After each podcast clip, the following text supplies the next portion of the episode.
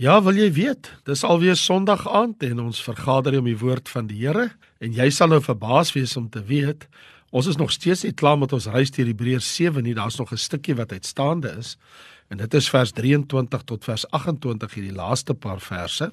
Ek gaan dit sommer nou vir jou lees. Dit is nou Hebreërs hoofstuk 7 want onthou ons reis mos nou Sondag aande deur die boek Hebreërs. En nou het ons tot stilstand gekom by die laaste paar verse van Hebreërs 7. Ek lees vanaf die 23ste vers. En hulle het wel priesters geword in 'n groot aantal omdat hulle deur die dood verhinder is om aan te bly. Maar hy, dis nou Jesus, omdat hy vir ewig bly, besit 'n priesterskap wat nie op ander oorgaan nie. Daarom kan hy ook volkome red die wat deur hom tot God gaan, omdat hy altyd leef om vir hulle in te tree want so 'n hoëpriester was vir ons gepas een wat heilig onskuldig onbesmet afgeskeie van die sondaars is en wat hoër as die hemele geword het wat nie elke dag nodig het soos die hoëpriesters om eers vir sy eie sondes offers te bring en dan vir die van die volk nie want dit het hy net eenmal gedoen toe hy homself geoffer het. Want die wet stel as hoëpriesters aan mense met swakhede maar die woord van die eedswering wat na die wet gekom het, stel die seën aan wat vir ewig volmaak is. So ons reis bring ons nou aan die einde van hoofstuk 7. As agtergrond onthou, die Hebreërs skrywer het mos nou al reeds vir ons in die vorige hoofstukke aangetoon en dis die pad wat ek en jy mos nou gekom het dat Jesus Christus is groter en voortreffliker en uitnemender as die engele, as Moses, as Joshua, as die Sabbat, as die Levitiese Aarons priesterskap.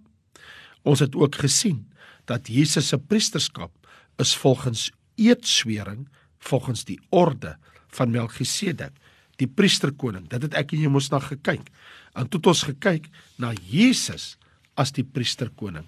Maar nou val die klem in hierdie laaste paar verse op Jesus die voortreffliker priester die een wat meer uitnemend is as alle ander want die hoofgedagte wat hier uitkristalliseer is dat Jesus Christus is voortreffliker as die levitiese priestersorde omrede sy priesterskap is beide ewig en volmaak.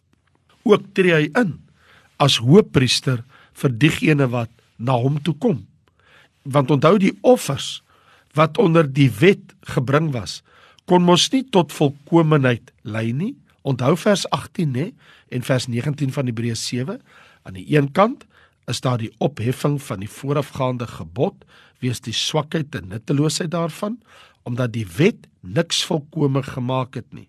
Plus in hoofstuk het ons mos nog gesien van vers 1 af die wet wat 'n skade wees wat deur die offers dieselfde offers jaar na jaar gebring word nooit die wat toetree tot volmaaktheid lei nie. Hy sê want die jaar na jaar is die herinnering aan die sondes. Hy sê want as dit gedoen het hoekom is daar dan nog steeds 'n bewussyn van sondes? Of soos in vers 11 sê die priesters staan dag vir dag om die diens waar te neem, dieselfde offers te bring. Dieselfde offers, dikwels wat nooit die sonde kan wegneem nie, want daai bloed het mos maar net die sonde bedek.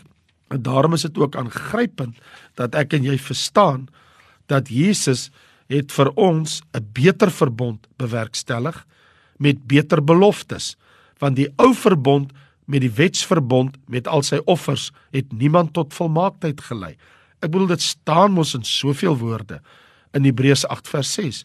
Nou het hy 'n voortreffeliker bediening verkry vir sover hy ook middelaar is van 'n beter verbond wat op beter beloftes wettiglik gegrond is. So ons het dus 'n voortreffeliker priester in Jesus Christus. Voortreffeliker in wat? Mag jy nou vra?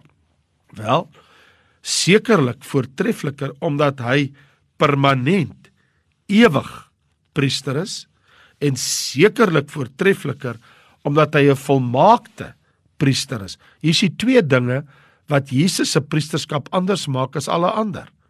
Jesus, die voortreffelike, permanente, ewige priester.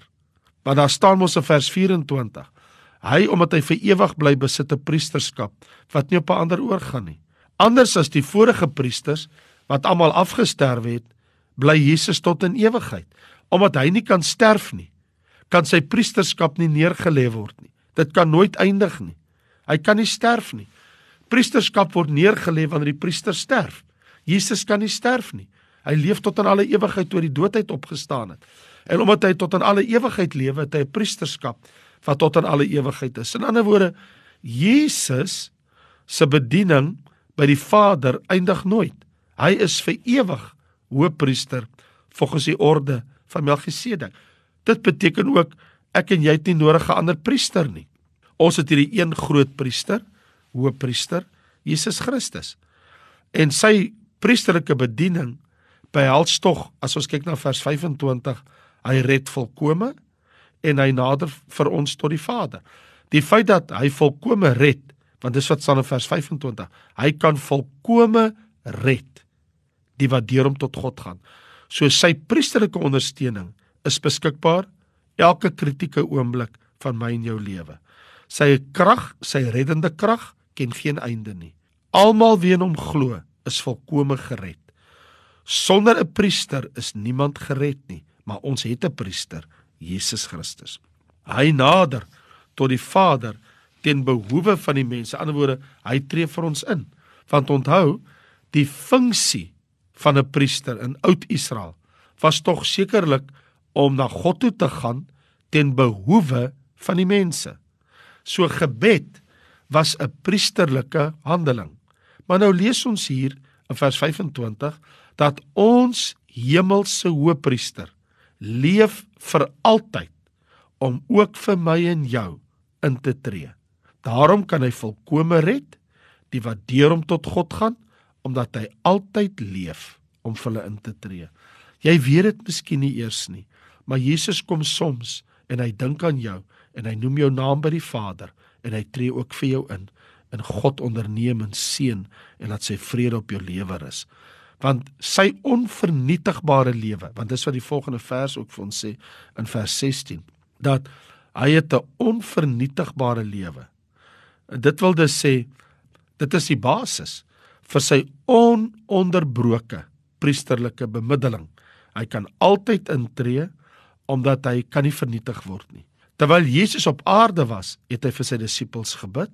sien ons in uh, Lukas 22 toe hy vir Petrus sê ek het vir jou gebid dat jou geloof nie sal ophou nie. Hoekom sal hy nie ook in die hemel vir ons bid nie? Kosbaar is dit om te weet nou dat hy in die hemel is, tree hy steeds in vir sy disippels. Hy is 'n getroue getroue hoëpriester.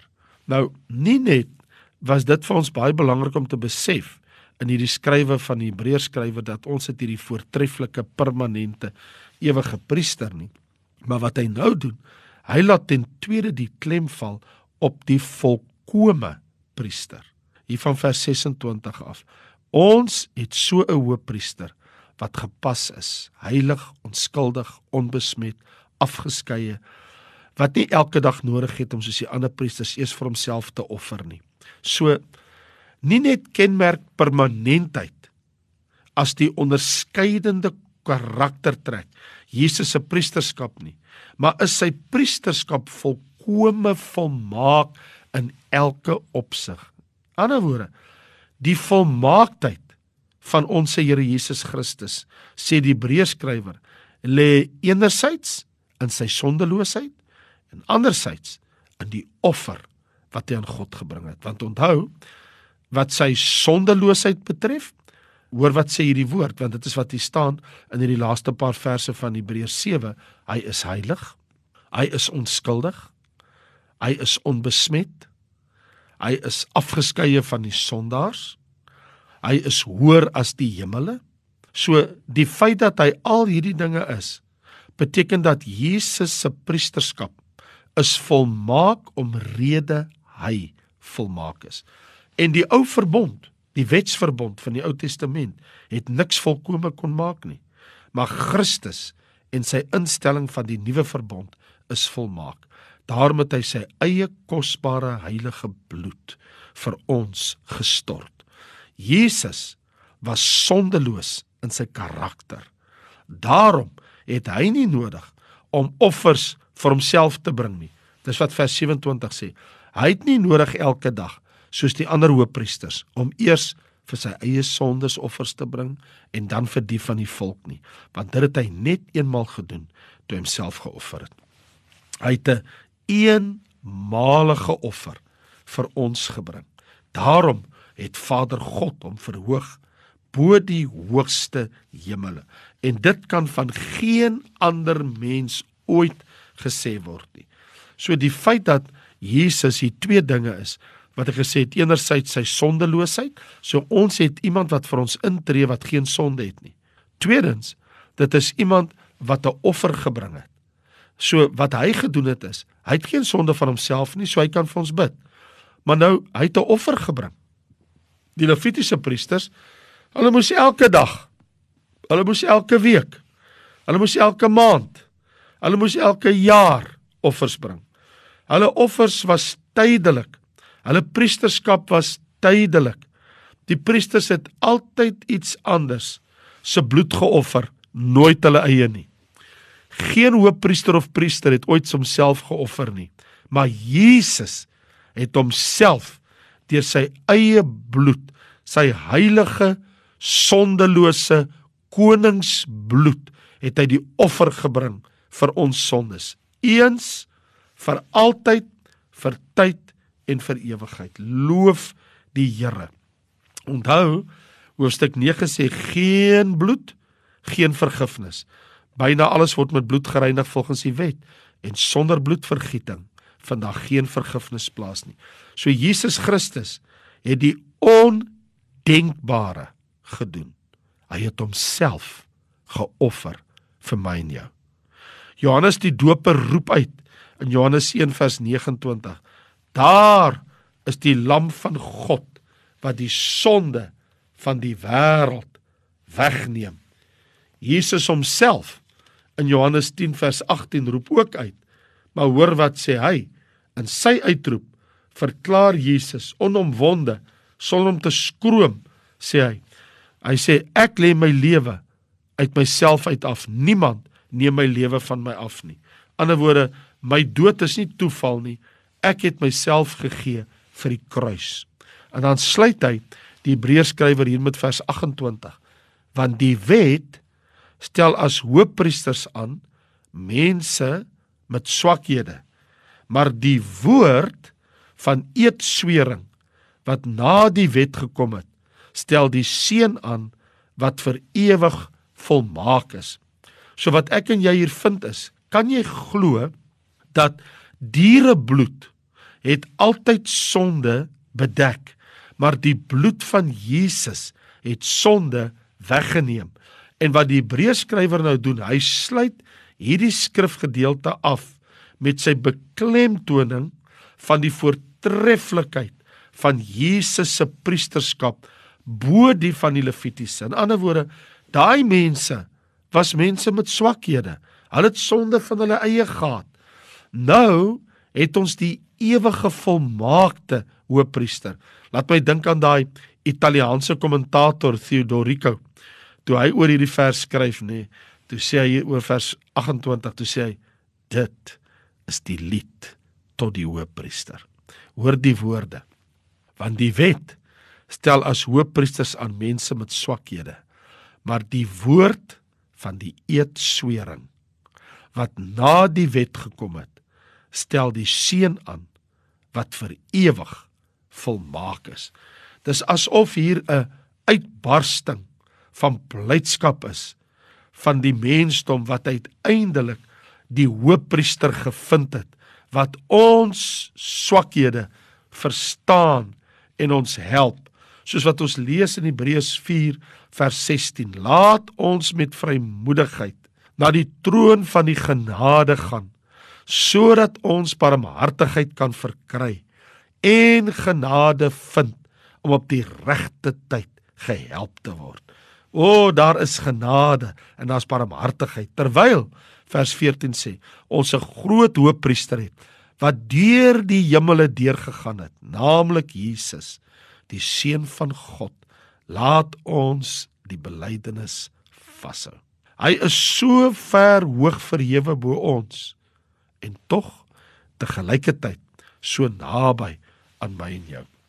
So op die vraag wat staan my en jou dan nou te doen met die oog op wat ons nou hier verneem in Hebreërs hoofstuk 7 in ons reis deur die boek Hebreërs in die laaste paar verse. En dit is kom ons let op Jesus die voortreffeliker priester. En nou staan twee dinge wat voor my en jou lê. Ten eerste, laat ons God se woord vertrou. Luister wat sê vers 21 van Hebreërs 7. Maar hy Christus met eedswering deur die een, dis die Vader, wat aan hom gesê het, Christus, die Here het gesweer en dit sal hom nie berou nie. U is priester vir ewig volgens die orde van Melchisedek.